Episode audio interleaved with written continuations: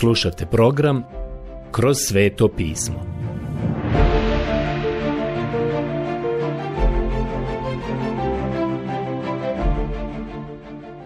Knjiga Prva Samuelova.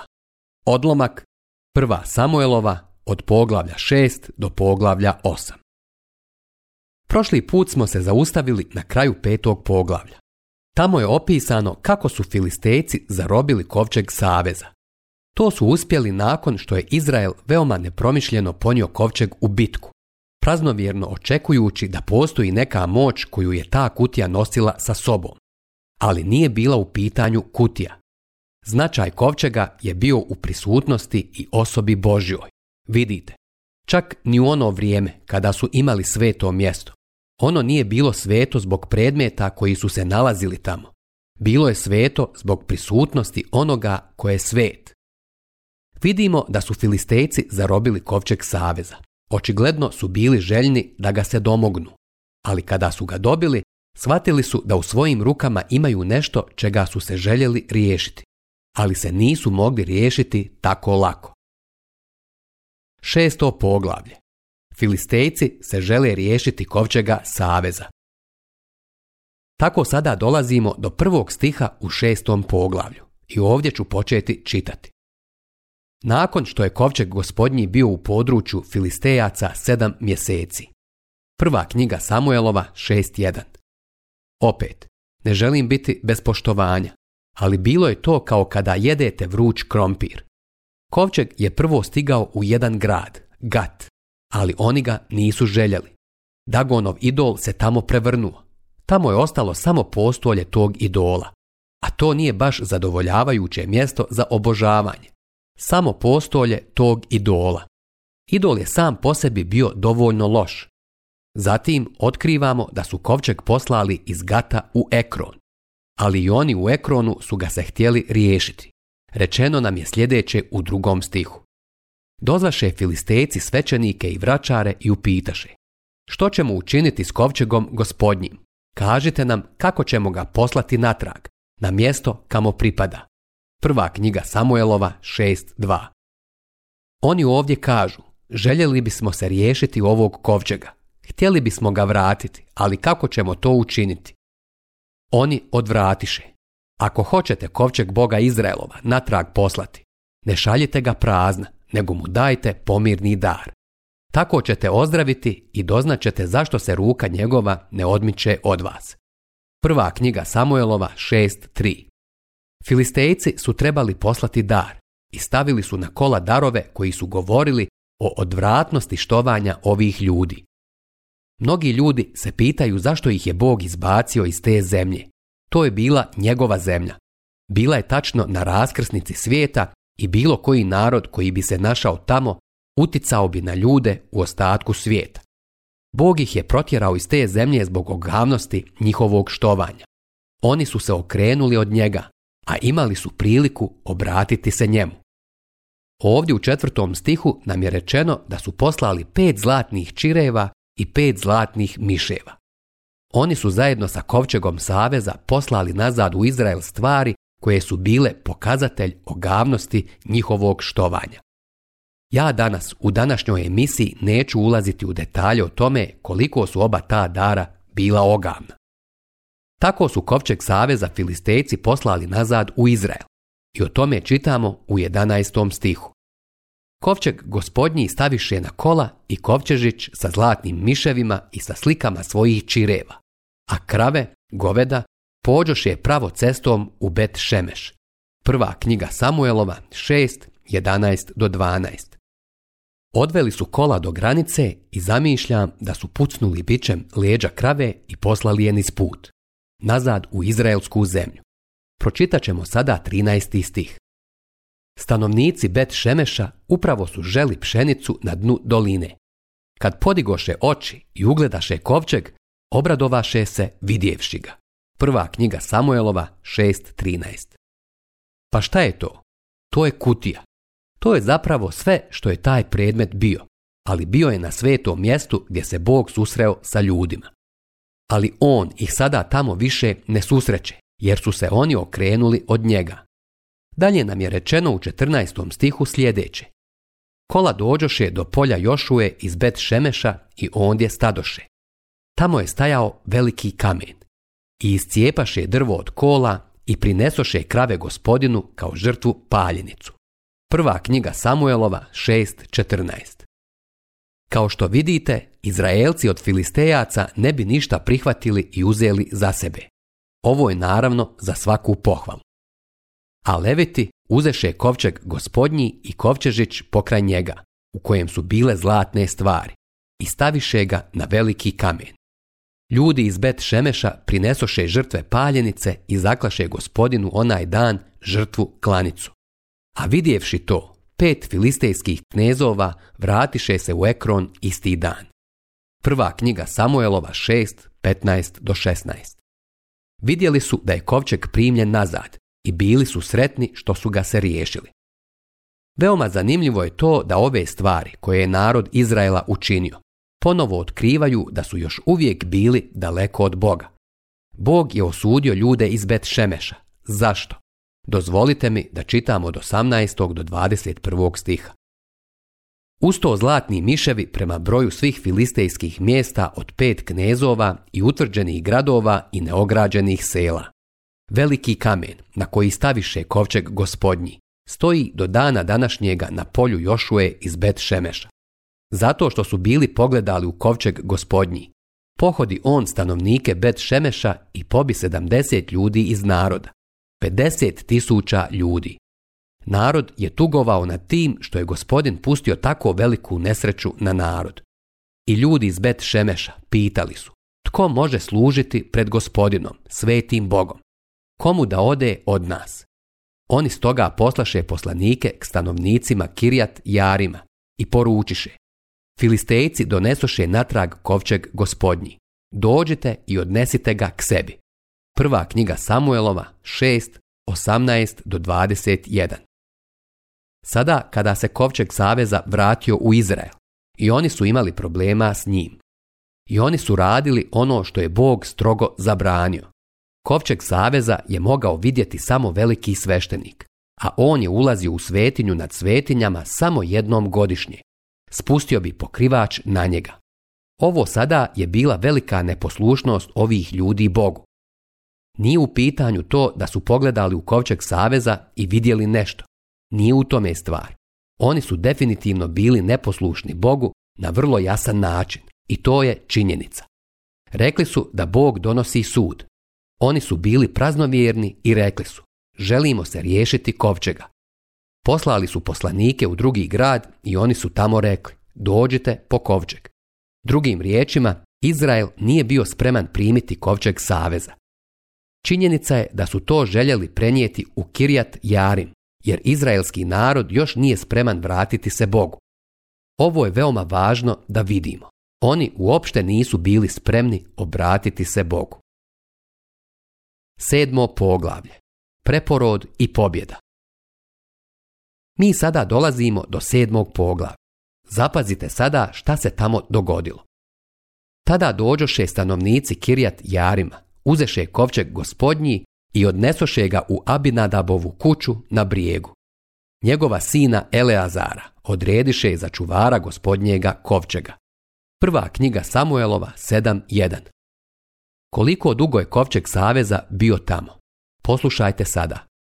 Od dana kada je kovčeg bio u Kirjat Jarimu, prođe dugo vremena, 20 godina sva se je kuća Izraelova obratila opet puna tuge gospodinu.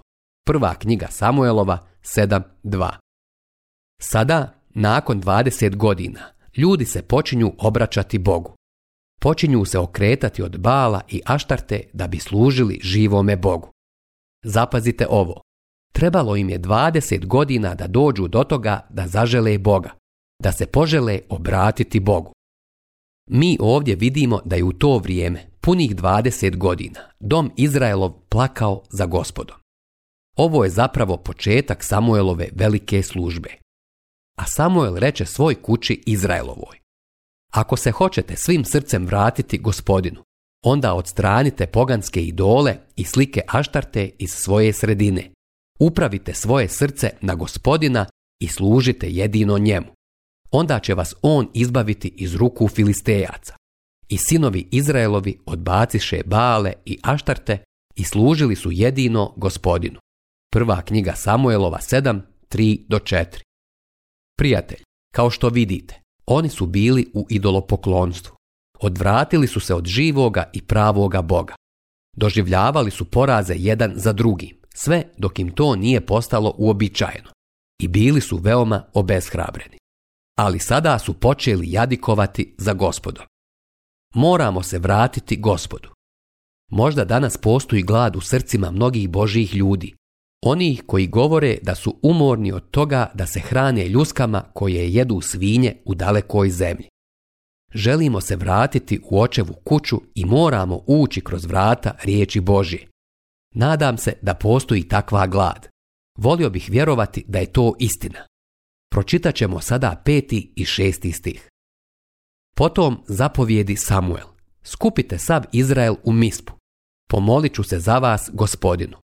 I skupiše se tako u mispu, crpili su vodu, prolijevali je pred gospodinom, postili su onaj dan i priznali, sagriješi smo gospodinu. A Samuel je sudio sinovima Izraelovim u mispi. Prva knjiga Samuelova 7, 5 do 6. Dakle, ono što sada imamo ovdje je Samuel prorok i sudac nacije Izrael. Ovdje sada vidimo Izrael kako se okreće od Bala i Aštarte. Oni se vraćaju Bogu, a Samuel se moli za njih. Oni su priznali svoje grijehe. To je put povratka za božji narod. Mislim da nema drugog puta nazad. Danas čujem o raznim metodama koje će pomoći da nas Bog blagoslovi. Smatra se da će on blagosloviti ako učinimo ovo ili ono. Napišimo to podebljanim slovima i recimo onako kako jeste. Ono što Boži narod treba učiniti jeste da ode Bogu da ispovijedi svoje grijehe. Trebaju vidjeti sebe u svjetlu Božje riječi. Ukoliko vidimo sebe, vidjet ćemo da nam nedostaje slava Božja i tada možemo saznati da će nas krv Isusa Krista, Božjeg Sina, nastaviti čistiti od svih grijeha i možemo ići da se ispovjedimo. Molim vas obratite sada pažnju na osmi stih. Kad filistejci doznaše da su se sinovi Izraelovi skupili u Mispi, izađoše filistejski knezovi protiv Izraela. Kad to čuše sinovi Izraelovi, uplašiše se od filistejaca. Sinovi Izraelovi zamoliše Samuela. Ne prestaj vapiti za nas gospodinu, Bogu našemu, da nas izbavi iz ruke filistejaca. Samuel uze jedno janje odojče i prinese ga gospodinu kao punu žrtvu paljenicu. Pritom se Samuel glasno molio gospodinu za Izraela i gospodin ga usliši. Dok je naime Samuel upravo prinosio žrtvu paljenicu, iziđoše filistejci protiv Izraela u boj. Ali zagrmije je gospodin u isto vrijeme na filistejce strahovitom grmljavinom time ih smete tako da su podlegli sinovima Izraelovim. Sinovi Izraelovi iziđoše iz Mispe, potjeraše Filistejce i bilo ih je do Betkara. Prva knjiga Samuelova 7, 7 do 11. Bog im sada daje pobjedu i to im je inače prva pobjeda nakon dugo, dugo vremena. Ali sada im Bog daje tu pobjedu. Još da kažem, to je velika pobjeda koju im je Bog dao u tom trenutku ti ljudi su pali u idolopoklonstvo, bili su u mrzovoljnoj pobuni. Počeli su se sada obraćati Bogu, a Samuel je od njih tražio priznanje i obećanje da će se zaista i potpuno vratiti Bogu. Došao je rezultat toga. Bog je dao Izraelu znak, pobjedu nad Filistejcima. Molim vas obratite sada svoju pažnju na 12. stih koji je veoma važan stih. Samuel tada uze kamen stavi ga između Mispe i Ješane i nazva ga Eben Haezer. To znači kamen pomoći, jer reče, do ovdje nas gospodin pomože. Prva knjiga Samuelova 7.12. Do sada nam je gospod pomogao. Ovo je veoma zanimljiv kamen. Gledam na to kao na memorialni kamen, kamen sjećanja. On je predstavljao osvrt na prošlost. Bio je to kamen prepoznavanja, u sadašnjosti onoga što je bilo učinjeno u prošlosti.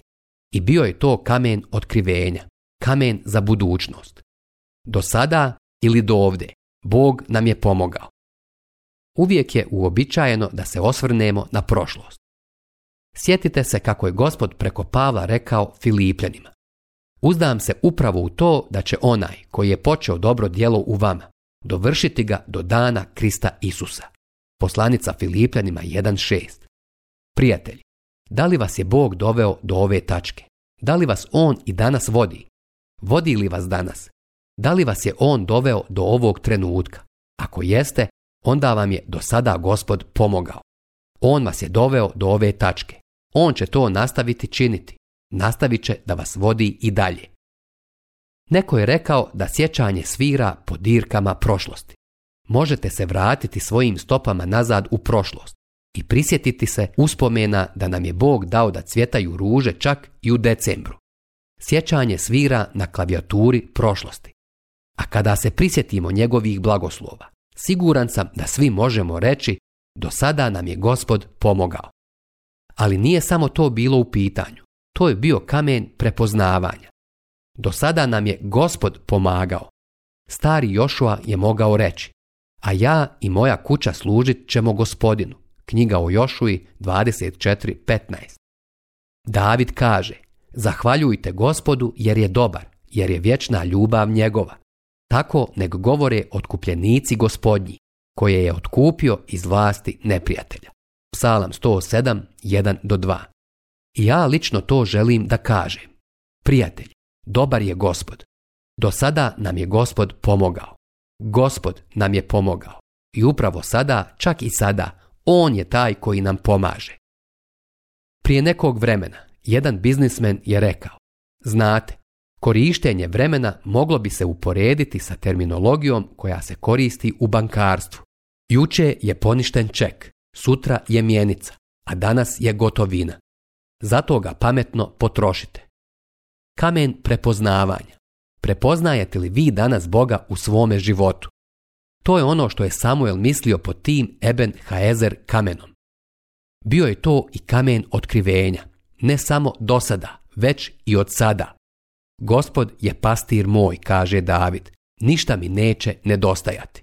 Pogledajte psalam 23.1. David je gledao u budućnost.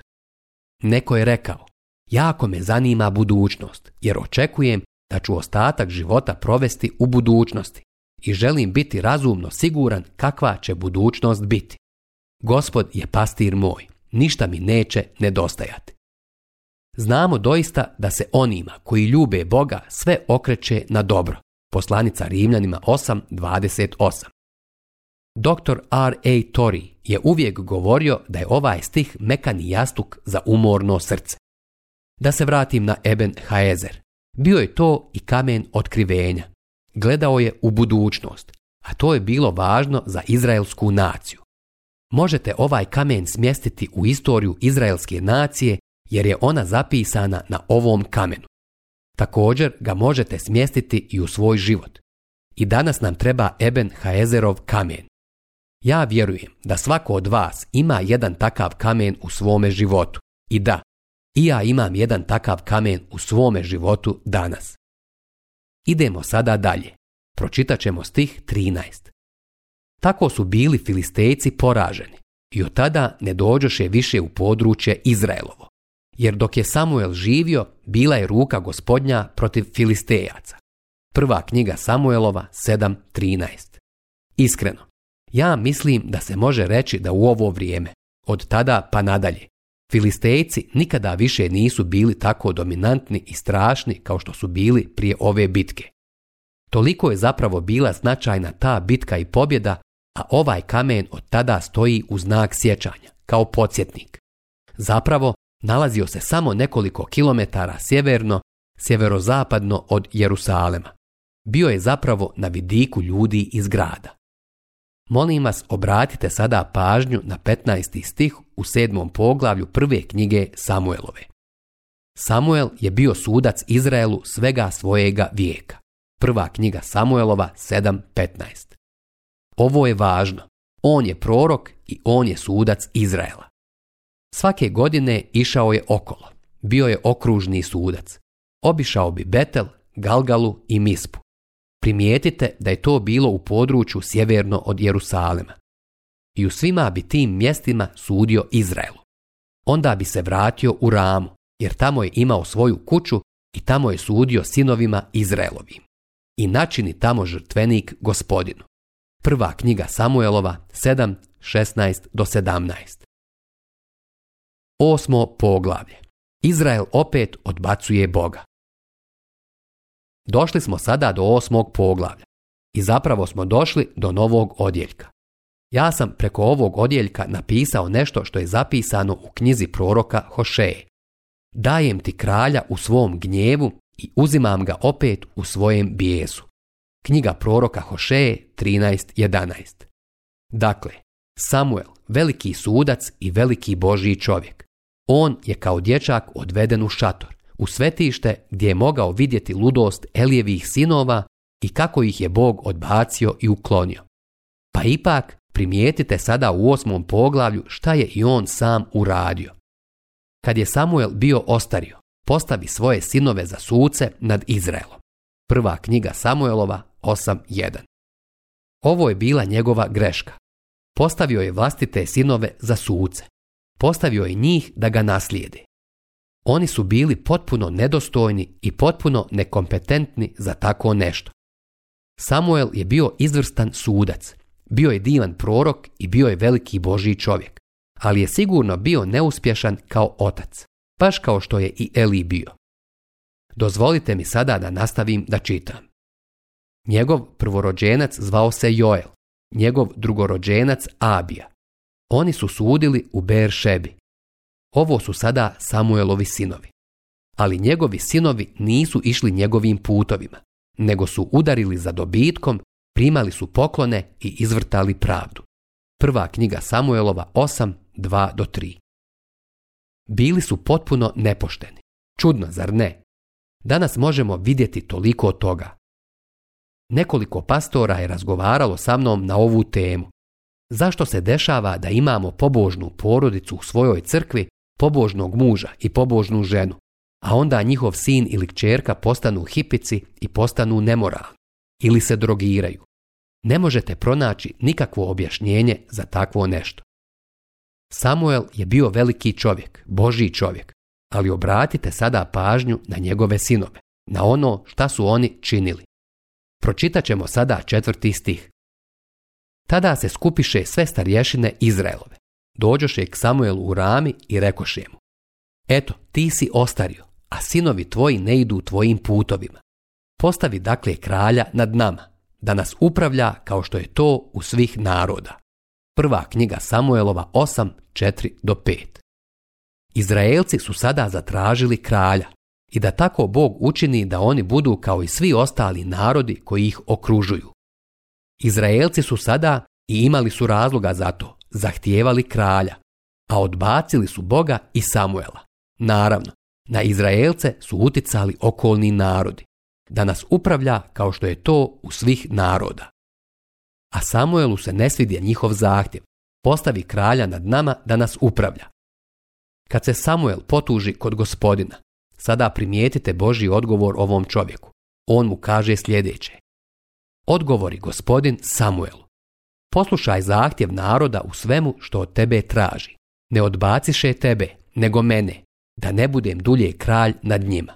Prva knjiga Samuelova 8, do 7.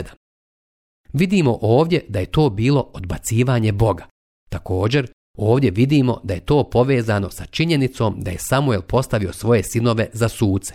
I to je Izraelcima dalo izgovor za njihov zahtjev ali Bog mu je dao do znanja da je pravo objašnjenje bilo to što su oni zapravo odbacili Boga.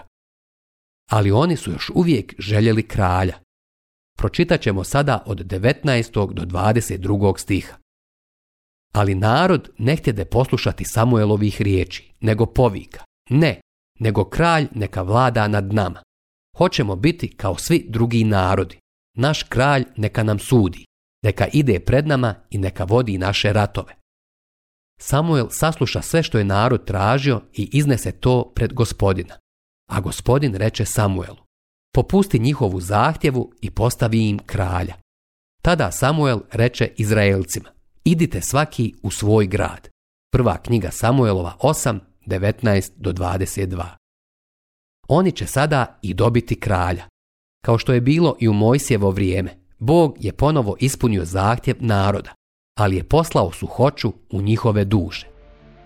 Sljedeći put ćemo nastaviti od mjesta gdje možemo čitati o tome kako je Šaul postavljen za kralja. Do tada, neka vas Bog obilno blagoslovi.